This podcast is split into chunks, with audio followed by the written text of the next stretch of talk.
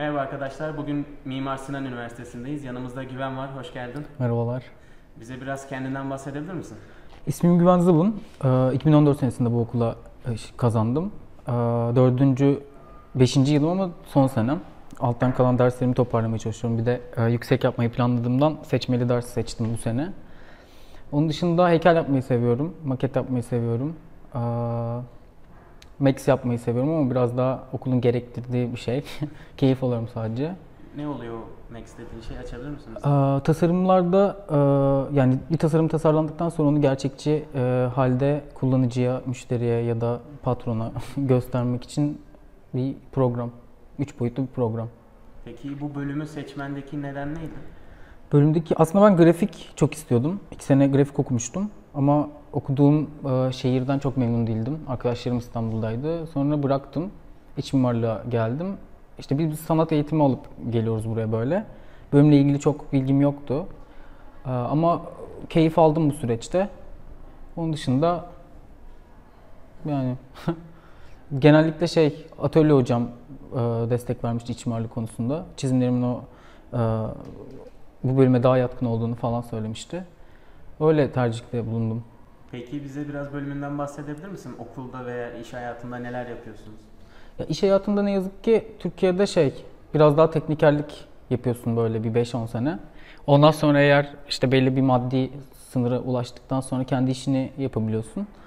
İç mimarlık deyince şey hmm, ya bir mekanın sadece işlevsel değil psikolojik e, nasıl söylesem işte psikolojik, işlevsel, ne bileyim kreatif olarak en düzgün bir şekilde kullanılmaya e, yönlendiren bir bölüm. Anlatamadım pek ama. Şey, e, dizayn olarak mı bir ortamın, bir evin içine en basitinden bir evin iç ortamını, oturma salonunu, koltuğun veya televizyonun yerini falan mı ayarlıyorsunuz? Aynen ama binanın tekniğini de göz önünde bulundurarak böyle mesela kolon, kiriş bunları işte baz alarak bunlar bizim sınırlarımız. Onları baz alarak e, işte tasarım yani mekanın en kullanışlı hale getirilmesinde işte estetik algında bir boyutu böyle. Peki o mimarlarla çalışırken atıyorum oturma odası burada değil de burada mutfak olmalı havalandırmasından dolayı gibi o değişikliklerle beraber çalışıyor musunuz yoksa size Bizi kısıtladığı yere kadar mesela eğer öyle bir havalandırma problemi varsa mecburen oturma odasını veya mutfağın yerini değiştirmek zorunda kalabiliyoruz ama artık böyle günümüzde teknoloji de gelişti. O yüzden şey yeni çıkan şeyler de var böyle havalandırma ile ilgili. Hani esneklik sağlayabiliyor mekan değişimi konusunda. Peki bu bölümü bu okulda okumanın ayrıcalıkları neler? Rıhtım yani rıhtım için ya Okulu çok övdüler bize böyle. Mimar Sinan deyince zaten böyle şey direkt tasarım okulu falan. Rıhtımı var böyle çok keyifli.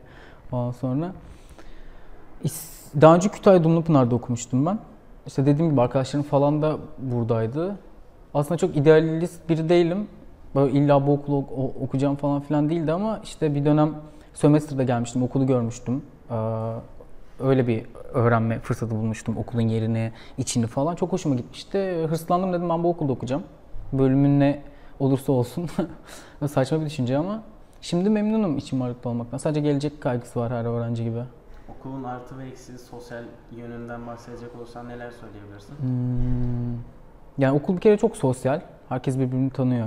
Ee, farklı şeylerimiz de var. Hmm, etkinlik gruplarımız. Ben geçen sene sanıyorum şey sosyal sorumluluk e, grubundaydım. Güzel şeyler yaptık böyle e, işte Down sendromları için yılbaşı partisi, sonra şey farkındalık etkinlikleri oluyordu e, görme engellerle ilgili vesaire. Onun dışında sörfçülük falan var çok aktif, dağcılık var. Baya güzel şeylerimiz var. Bayağı da aktifler yani Instagram e, sayfaları sürekli paylaşıyor. Yani etkinliklerin olacağı zamanı, yeri. Peki bölümün staj olanakları neler? Okul bu konuda yardımcı oluyor mu? Hocalar olsun destek veriyorlar mı? Ya bireysel olarak hocalardan yardım isteyebiliyorsun. Ama onların da elinde olmayan bazı durumlar olabiliyor.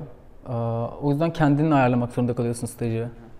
Ya da naylon yapmak zorunda kalıyorsun. Çünkü artık bazı engeller geldi. Stajları vermeden bitirme projesini alamıyorsun. Böylelikle mezun olamıyorsun. Eskiden böyle değildi. O yüzden kötü bir durum oldu böyle. Staj süreniz veya 1, 2, 3 kaç tane staj yapıyorsunuz zorunlu? Diğer okullara göre staj olayımız daha kolay. Ee, 20 şantiye stajı, 20 de ofis stajı diye geçiyor. Tek bir belgeyi imzalıyorsun böyle sayfalarca işte fotoğraf vesaire yüklemiyorsun. Kolay o konuda. Yani 20 günde gayet staj için normal bir süre. Peki bu bölümden mezun olduktan sonra iş hayatında aranan özellikler neler? Öncelikle 3 boyutlu programlara hakim olmak, AutoCAD, e, işte teknik bilmen gerekiyor. Plan okuyabilmen, kesit çıkarabilmen. Onun dışında işte verilen tasarımı 3 boyutlu halde tasarlayabilmek. Sonra bunu müşteriye sunabilecek e, bir düzeye ulaşma olman gerekiyor ama bu çok kolay elde edilen bir şey olduğunu düşünmüyorum. O yüzden her mezun olan öğrenci bir, bir iki sene sendeliyor maalesef. Böyle işçi gibi kullanmak zorunda kalıyor kendini yani. Bizi bilgilendirdiğin için teşekkür Ben ederim. teşekkür ederim.